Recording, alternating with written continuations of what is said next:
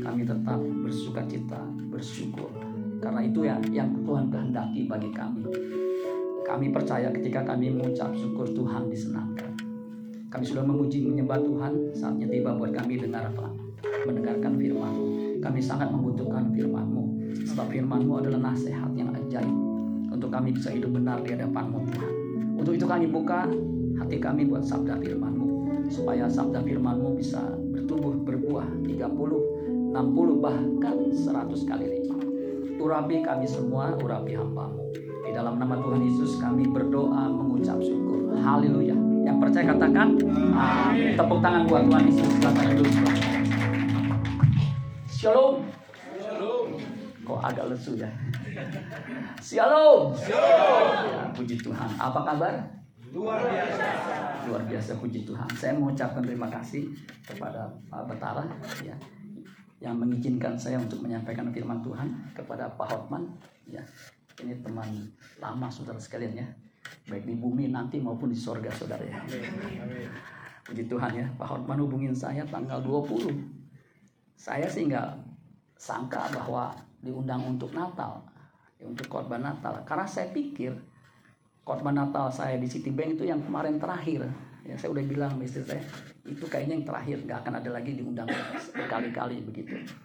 Ternyata beliau minta saya, untung saya kosong saudara sekalian ya. Ya puji Tuhan saudara ya. Biasanya jarang ya undang seminggu sebelumnya untuk khotbah kecuali kebaktian doa keluarga saudara ya. Tapi ini keluarga bagi saya Citibank bagi saya adalah keluarga ya. Terima kasih kepada Bu Yanti ya. Yanti atau Janti ya? Ya, oke. Okay. Nama saya, nama saya juga agak sulit ya. Nama saya kan Cecep, itu ejaan lama ya, TJ, TJF ya. Jadi orang suka bingung manggilnya apa ya. Tadi saya agak miris juga ya dengan Citibank Christmas uh, seperti itu saudara ya. Ya luar biasa ya. Budgetnya minim, keadaannya seperti ini, kesian juga ya. Poor Citibank ya. Biasa ya. Saya baru tahu ya, ya prihatin saya saudara. Anyway nggak masalah saudara ya. Ini belajar untuk tetap mengucap syukur. Nah, saya mengalami jauh lebih sulit daripada yang saya pikirkan. Ya, tapi saya bisa melewatinya. Itu karena anugerah Tuhan. Ya. Tema yang diberikan kepada saya itu bersyukur dalam segala hal. Ayatnya sudah ditunjuk, yaitu Filipi 4 ayat 6. Filipi 4 ayat 6 ini ditulis oleh Rasul Paulus. Ya. Tahu nggak, ketika Paulus menulis surat Filipi ini dia ada di mana? Di Starbucks ada cappuccino sama roti ikan tuna. Ya. Bukan saudara. Waktu dia menulis surat ini dia ada di penjara. Nih pasti dia baca Alkitab. Di penjara di Roma. Yang nggak tahu kapan bebasnya. Ya, sehingga jemaat khawatir. Ini kapan nih Rasul kita dibebaskan. Nah dia tulis surat. Jadi dia nulis itu bukannya di Starbucks dengan laptop, dengan iPhone, kemudian dia tulis dengan rapi begitu. Enggak. Di dalam penjara saudara ya. Dan yang luar biasa surat Filipi ini disebut surat sukacita. Ada kata sukacita 12 kali. Ya luar biasa ya. Di, di tengah keadaan yang tidak memungkinkan untuk bersukacita bersyukur surat ini ditulis. Dan isinya luar biasa. Ya cuman empat pasal nanti suruh baca di rumah ya kalau sempat. Nah jadi ini surat sukacita suruh sekalian dan isinya berisi nasihat. Nah, nasihat tentang uh, apa namanya, bagaimana hidup merendahkan diri, nasihat bagaimana uh, mengucap syukur. Ya, makanya surat ini juga surat ucapan syukur. Ya. Ucapan syukur dan doa itu di 1 ayat 3 ya. Jadi pendek kata ini memang surat yang luar biasa dari Rasul Paulus. Filipi 4 ayat 6 dikatakan begini. Janganlah hendaknya kamu khawatir tentang apa pun juga. Karena apa pun bisa membuat kita khawatir. Makanya Paulus mengatakan ya ketika dia di penjara jemaat banyak yang mengkhawatirkan kesehatannya, keadaannya. Dia bilang, janganlah hendaknya kamu khawatir tentang apa pun juga. Ya. Kata janganlah hendaknya itu kalimat perintah. Ya, dalam teks aslinya itu present aktif imperatif. Imperatif itu perintah. Perintah yang aktif harus diterus menerus dilakukan present. Nggak boleh enggak artinya jangan sampai khawatir itu dilakukan terus menerus menjadi kebiasaan. Ya. kita bisa khawatir ya. pasti bisa. Ya, khawatir atas keadaan-keadaan yang tidak pasti akan masa depan. Ya, dulu waktu saya uh, mau full itu saya ada kekhawatiran tahu nggak kekhawatiran saya apa? Ada yang tahu nggak? Nggak tahu orang saya belum kasih tahu saudara ya. Yang saya khawatir cuma satu begini. Kan income saya pasti turun. Ya memang turun tinggal 5% bukannya turun 5% tinggalnya 5% saya khawatir begini nanti kalau income saya rendah selama ini income saya jauh lebih tinggi dari istri saya kalau dia kalau income saya rendah saya khawatir ntar dia melecehkan saya.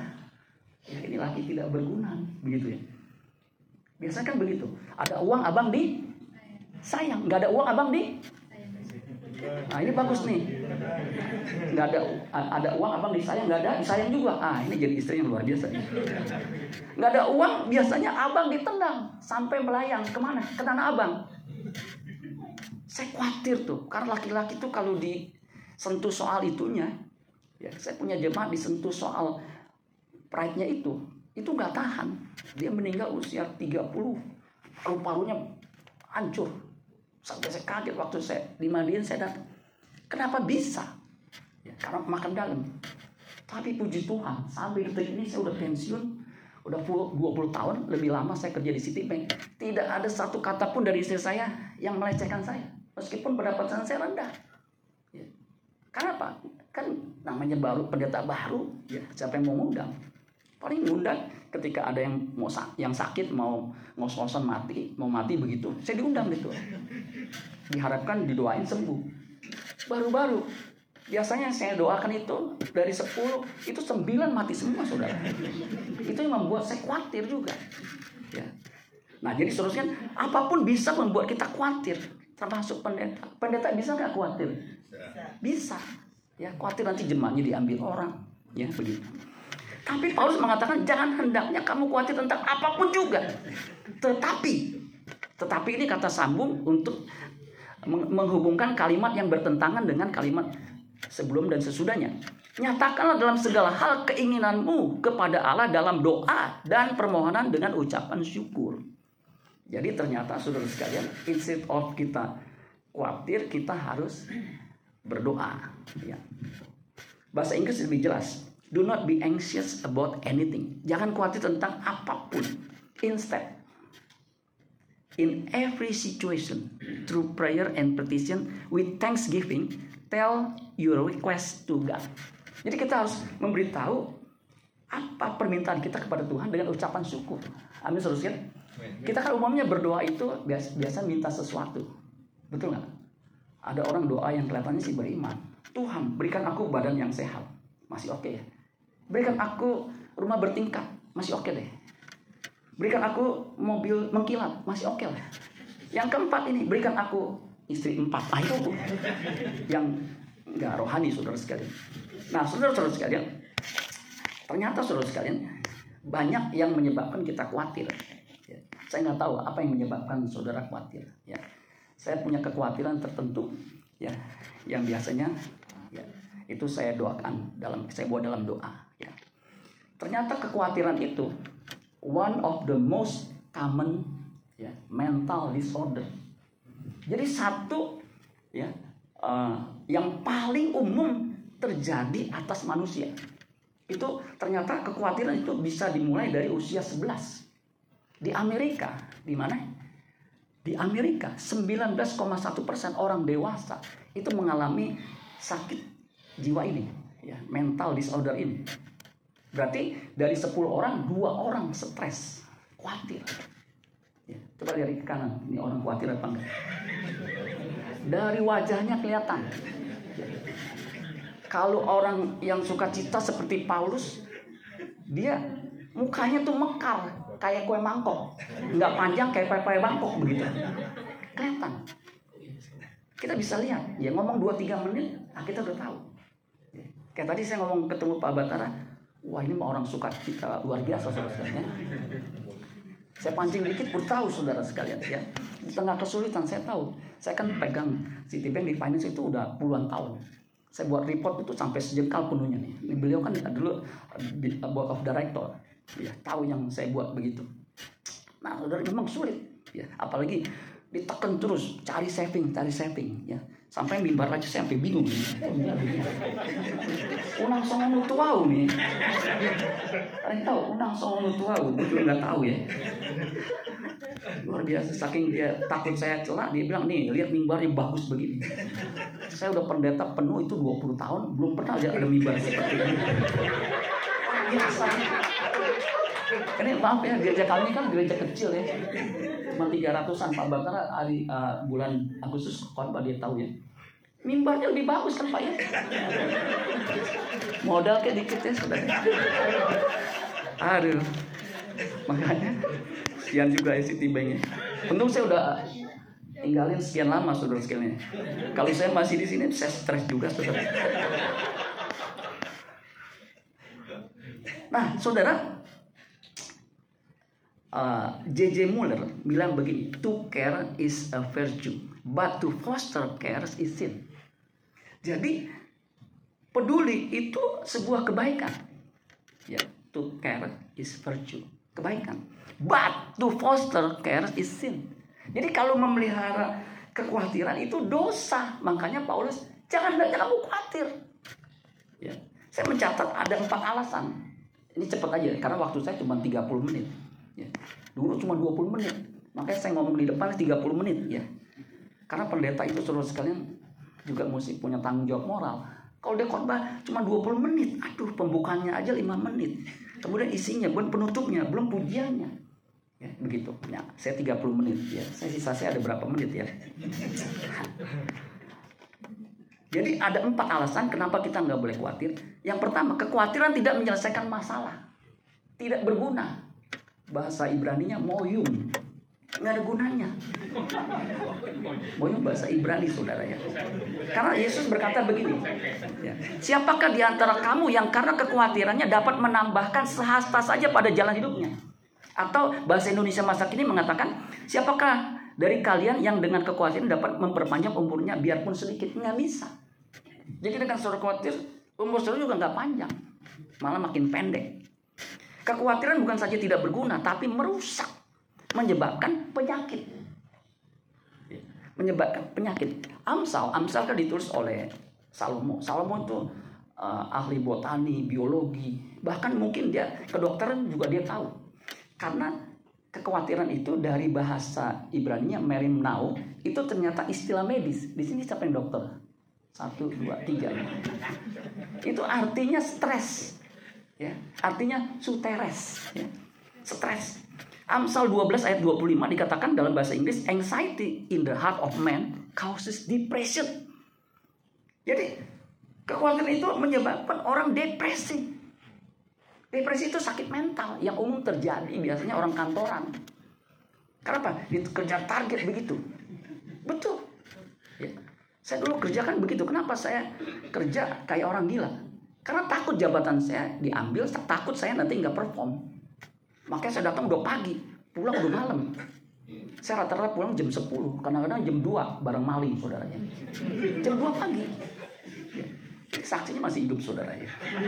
Dia pulang malam, makanya saya dijuluki P14. Pergi pagi pulang petang, pinggang pegal, pantat panas, kepala pusing, potongan, pendapatan pas-pasan. Jadi pagi udah pergi, pulang udah malam. Makanya anak saya panggil saya bukannya Dedi. Ya. Om saudara, ini kagak pulang-pulang ya, pulang cuma tidur sebentar pergi lagi, begitu saudara. Karena apa? Khawatir nanti gimana ya? Ya akhirnya makanya saya tinggalin juga ya puji Tuhan ya saya tinggalin. Kalau enggak saya serosis ya kena kena hati kecapean. Saya waktu itu di diagnosa kena kelelahan kronis. Ada satu buku Don Colbert mengatakan what you don't know maybe killing you. Nah dia uraikan dia dokter medis tapi juga seorang teolog. Dia bilang ketakutan dan kekhawatiran dapat menyebabkan penyakit jantung, penyakit mental, kepanikan, depresi, serangan jantung dan fobia. Jadi begitu banyak deretan uh, yang yang diakibat karena kekhawatiran. Karena memang menurut medis, jurnal medis mengatakan ya penyakit orang zaman now, zaman modern adalah mah sama jantung. Nah, mah sama jantung penyebab utamanya adalah kekhawatiran, anxiety. Bisa dijelaskan secara medik, uh, medikal begini. Ketika kita khawatir, adrenalin kita bekerja. Ya. Ketika kekhawatiran terus menerus, dia akan terjadi kelelahan adrenalin. Kenapa? Sebab ketika kita khawatir adrenalin terpacu, itu ventilasi paru-paru akan mengembang lebih kuat karena butuh oksigen lebih banyak. Ya. Kemudian sistem pencernaan terjadi kontraksi. Jadi fisik itu terpengaruh karena khawatir. Makanya khawatir biasa ada keringat di sini tangan. Kepala mulai pening, pusing begitu karena tegang. Akibatnya nggak bisa tidur. Jadi nggak bisa tidur itu suatu yang melelahkan. Saya pernah sakit 21 hari nggak bisa tidur. Ini istri saya yang merawat nih. Jadi saya begini, saya mau tidur Tuhan tolong. Ya. Gak bisa. Jadi ngotot aja. Padahal kan untuk bisa pulih itu kalau tidur bisa pulih. 21 hari. Sampai saya berdoa Tuhan tolong sejam atau dua jam. Tapi puji Tuhan. Tuhan kasih bukan hanya satu dua jam. Tapi tiga jam, empat jam saya bisa tidur. Ya. Tanpa minum obat tidur. Ya. Makanya kalau kita bisa tidur puji Tuhan. Thanks God. Amin saudara sekalian. Makanya kalau Siti never sleep, kalau dia sleep now, ah thanks God, saudara. Puji Tuhan, dia tidur, berarti dia nggak insomnia, saudara sekalian ya. Karena ada jemaat saya tuh, kalau saya khotbah, dia udah pasang ancang-ancang. Begini nih, siap-siap. Di depan saya. Saya waktu itu agak marah, saya tegur begini. Saudara-saudara, dia bangun begitu. Saya kaget. Nah pas saya nggak bisa tidur, saya bertobat. Jadi kalau ada yang tidur semua, saya senang. Kenapa? Wah ini puji Tuhan ya, dia bisa tidur. Sebab apa? Tidur itu membuat kita lebih sehat. Karena bisa tidur. Ya, makanya kalau sudah tidur ya mudah-mudahan bangunnya di keabadian ya. yang ketiga, yang dikhawatirkan umumnya tidak terjadi. Kayak saya, khawatir saya nanti dilecehkan sama istri saya. Pride saya kalau dilecehkan, ya apalagi kayak saya begini makan juga nggak begitu banyak. Ya udah tua begini makan nggak banyak yang banyak pantangannya begitu ya. saya kan jaga kesehatan perut saya nggak buncit di sebarang saya jaga supaya kalau terlalu berat lututnya rusak ya, makanya saya jaga nih saya sit up saya pull up saya push up. Ya, saya bisa push up 50 kali ya selama seminggu sudah sekali jadi perut saya jaga. Ada yang bilang nggak usah push up nggak usah sit up. Cukup pakai bangkuang dihias kecil-kecil kecampur minyak zaitun terus diolesin. Kempes pak. Enggak mungkin lah. Ya enggak mesti kerja keras. Sama untuk penjaga supaya kita enggak khawatir kita mesti kerja keras dan umumnya enggak terjadi kalau yang kita khawatirkan yang keempat yang terakhir untuk bagian khawatir karena di ayat 6 itu ada dua bagian temanya itu nanti bagian terakhir masih waktu saya masih ada 35 menit ya. Kekhawatiran bertentangan dengan iman. Jadi kalau sudah khawatir menunjukkan nggak punya iman. Kayak Bapak Bapak, Bapak Batara nggak khawatir sama sekali. Sebab dia bosnya saudara ya. Nggak khawatir. Ya. Yang ini khawatir nih bonus gimana ya, bonus gimana. Dulu saya kenapa kerja Citibank itu nggak kendor. Bonusnya saudara. Saya hemat-hemat. Ini istri saya yang nabungin begitu hemat. Jadi ketika pensiun, saya puji Tuhan. Jadi nggak terlalu sampai drop begitu. Ada dulu seorang sekretaris, ya, mungkin Pak Hotman tahu. Setiap tahun ke luar negeri dua kali. Nih saksinya. Terus dia cerita sama saya kok dua, dua setahun dua kali. Padahal saya kan udah pangkat juga lumayan kan. Dia bilang, chat, kalau ke luar negeri itu ceritanya nggak habis-habis. Nih tuh dikasih pakai album dulu belum ada gini. Dramatisnya iya ceritanya nggak habis-habis. Duitku yang habis. Kita enggak ya. Nggak jarang-jarang keluar negeri. Ya nama jodoh ya jodoh kan nggak ke mana-mana sudah ya. Di, di dalam negeri aja ya. ternyata saudara sekalian antidot antidot itu penawar supaya kita nggak khawatir satu-satunya ya ini juga nggak ada cara lain supaya kita nggak bisa khawatir itu gimana supaya nggak khawatir nah Paulus ini uh, disebut dengan anxiety free life. Ya. Jadi hidupnya tanpa kekhawatiran. Saya almost anxiety free life. Dulu saya masih ada khawatir ya. Dulu waktu mobil saya belum ganti, saya takut mogok mobil saya. Dan betul terjadi mogok. Istri saya yang dorong. Saya pikir apa dia kuat ya? Aduh, dia kan nggak bisa nyetir. Akhirnya bisa minggir di tengah jalan, minggir. Saya bilang ini malaikat yang nolong. Eh betul, pintu kaca ininya diketok, malaikat minta dong tipsnya saya dorong bantuin. Gitu. Istri saya nggak bisa nyetir susah, tapi kalau dia bisa nyetir juga merepotkan saya. Setiap dia nyetir pasti ditilang. Lagi nyetir anak-anak, prit. Ibu tahu kesalahan ibu? Enggak. Tahu gak kesalahan ibu? Enggak tahu. Mau tahu nggak? Mau. Apa? Kecantikan ibu melebihi batas. Jadi saya tilang. saya puji biar saya aman suruh sekali. Karena keuangan semua dia yang pegang sudah. Jadi saya ini kalau berpisah dari dia udah jadi miskin. Kayak Siti pinjaman now saudara sekali.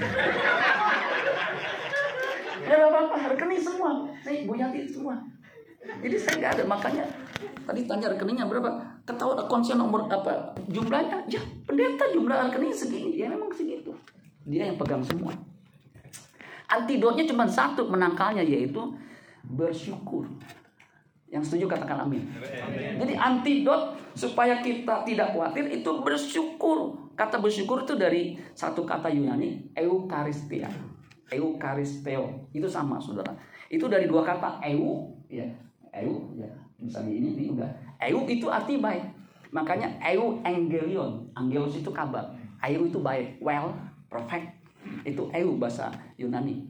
Eu angelion kabar baik. Eu karisteo karistia itu artinya karis karistia itu dari kata karisomai artinya to give something ya yang menyenangkan to give to do something pleasant atau agreeable yang disetujui yang menyenangkan kata karisoma itu dari kata karis karis itu ya karunia ya anugerah jadi kalau saya boleh simpulkan boleh nggak saya simpulkan boleh ya saya khotbah ya jadi karisoma kan to something pleasant yang menyenangkan atau yang disetujui terhadap seorang. Nah, dalam hal ini kan kepada Tuhan. Karisoma berasal dari kata karis atau grace atau grace, uh, gift. Jadi kalau saya boleh simpulkan, nanti boleh di tes ya kalau saudara nanti cari kamusnya.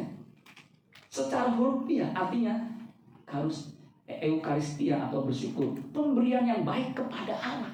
Jadi waktu saudara bersyukur, itu memberi sesuatu yang baik. Yang saudara punya itu bersyukur.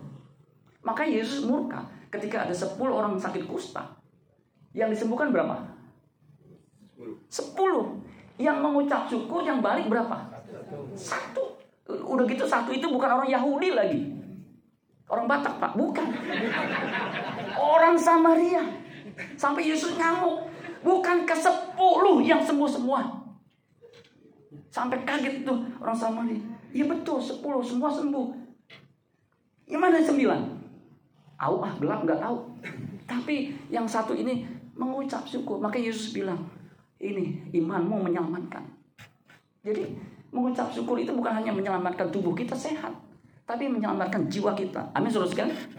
Kenapa? Karena waktu kita bersyukur, itu ada damai sejahtera yang mengawal hati kita. Coba deh, kalau orang yang berdoa mengucap syukur, itu damai sejahtera.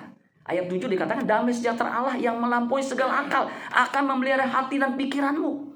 Padahal kan hati, hati, pikiran itu kan kalau peaceful itu bisa ngambil decision yang tepat.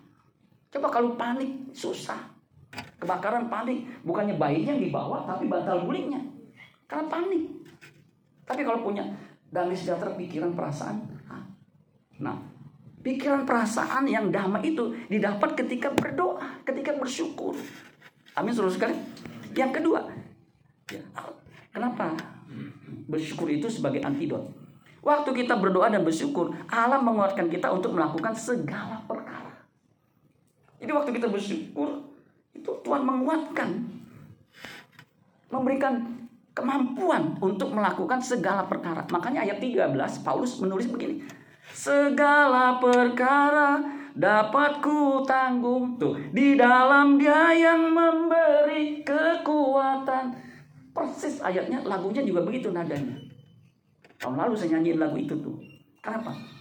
Kita butuh bisa menanggung segala perkara amin baik yang mulai kecil ataupun yang besar ya Makanya jangan sampai ada apa pun yang membuat kita khawatir.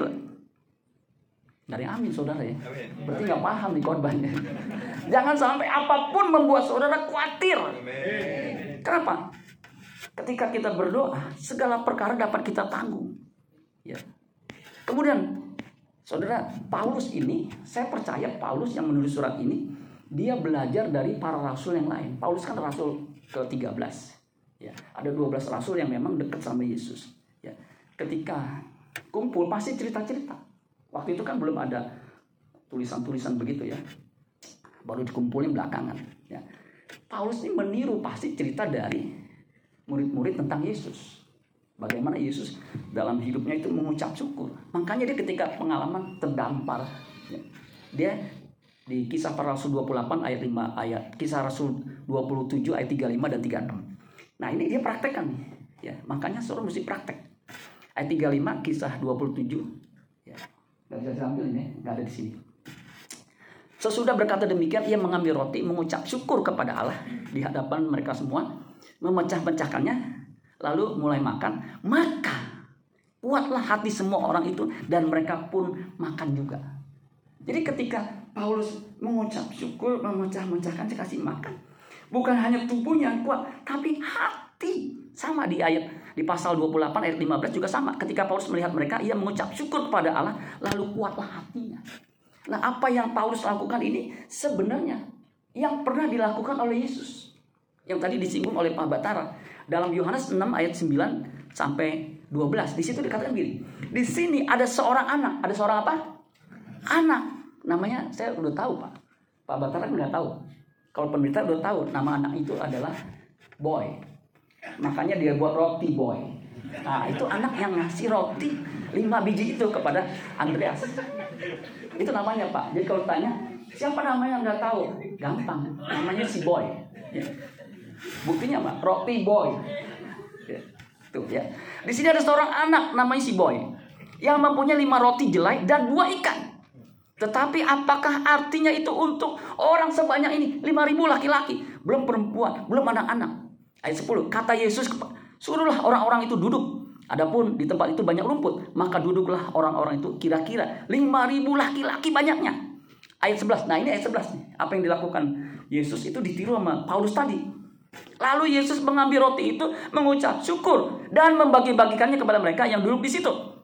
Demikian juga dibuatnya dengan ikan-ikan itu sebanyak yang mereka kehendaki. Ayat 12. Dan setelah mereka makan sampai kenyang, Paulus Petrus berkata, Guru, mereka sudah makan sampai kenyang. Mana minumannya? Yesus menjawab, apa pun makanannya, minumnya, teh botol sosro. itu ayat dari saya 12, saudara. Jadi, Paulus itu praktek. Mengucap syukur. Amin, saudara sekali. Karena ketika mengucap syukur, ada pelipat gandaan.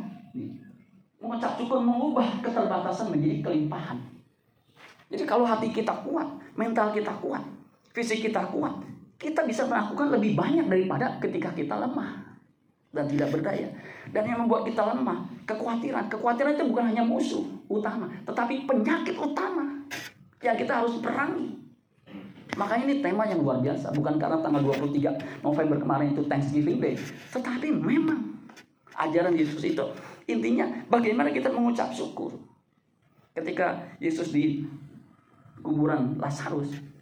Suruh baca, Yesus itu mengucap syukur di depan kuburan. Apa yang terjadi? Dia teriak, Lazarus keluar.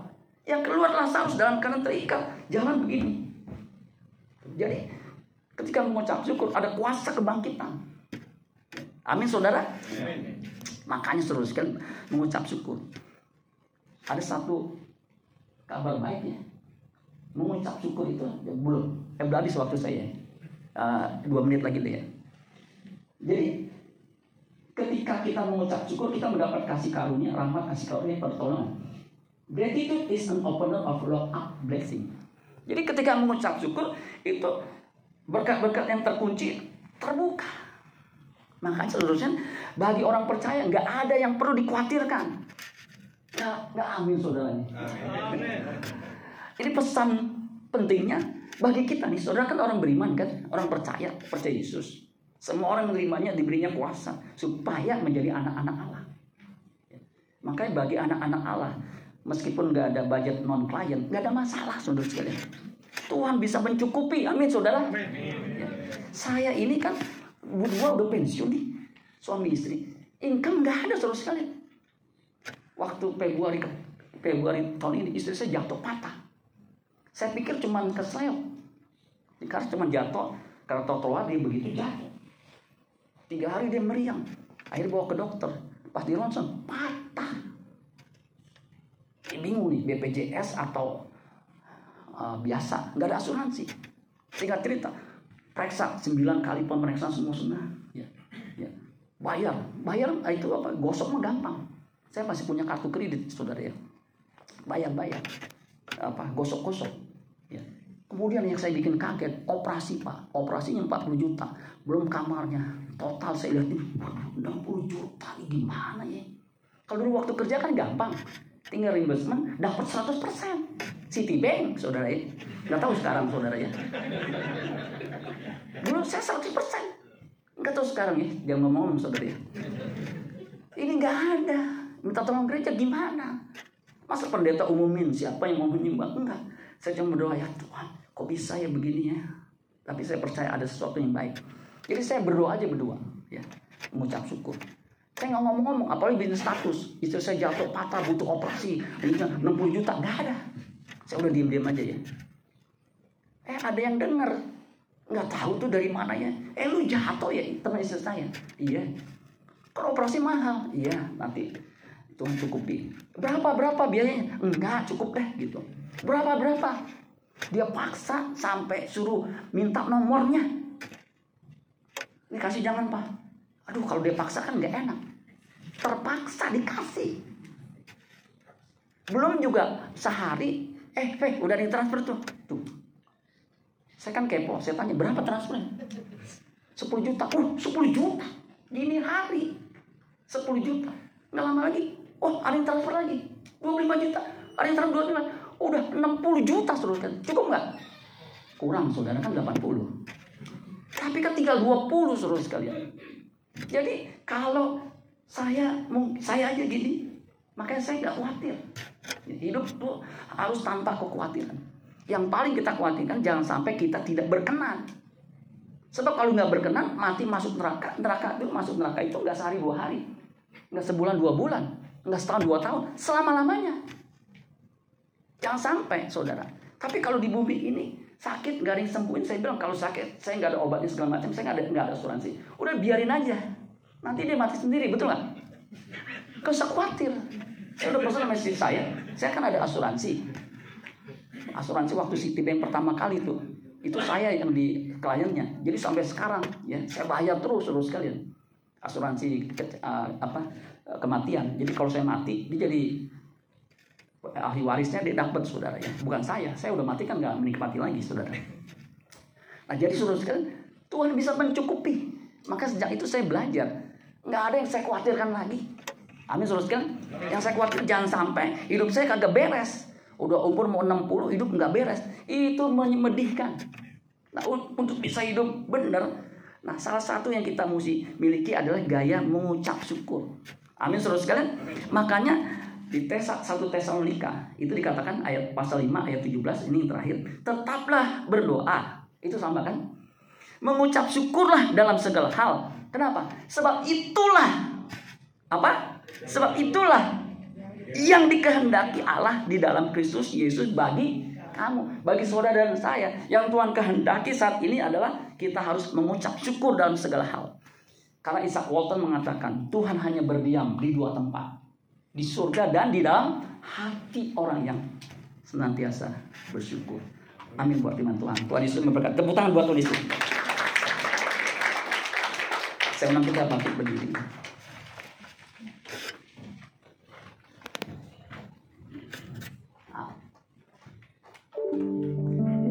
Ku mau selalu selalu bersyukur. Kau Tuhan yang setia Yang selalu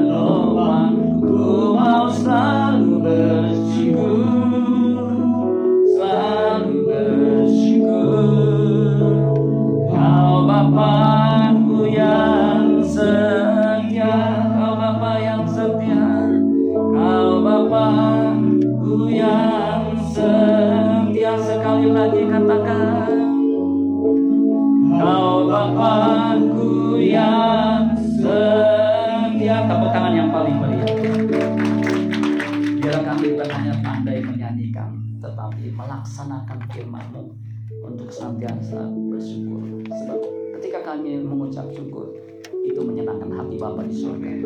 Karena itulah yang Tuhan kehendaki bagi kami yang percaya kepada-Mu Tuhan. Mampukan kami Tuhan untuk senantiasa bersyukur, bukan bersungut-sungut. Karena ketika hati kami bersyukur, kami bukan hanya dipulihkan tubuh kami, tetapi jiwa kami dipulihkan. Sehingga kami bisa menjadi berkat di mana pun kami berada. Berkat-Mu Tuhan atas persekutuan di tempat ini, Bank. Kami percaya dalam situasi kondisi apa pun juga, kalau Tuhan kehendaki, maka yang terbaik buat kami semua. Terima kasih Bapak di surga. Inilah doa dan permohonan kami. Di dalam nama Tuhan Yesus kami berdoa ucap syukur. Haleluya. Yang percaya diberkati berkata, Amin. Tepuk tangan buat Yesus.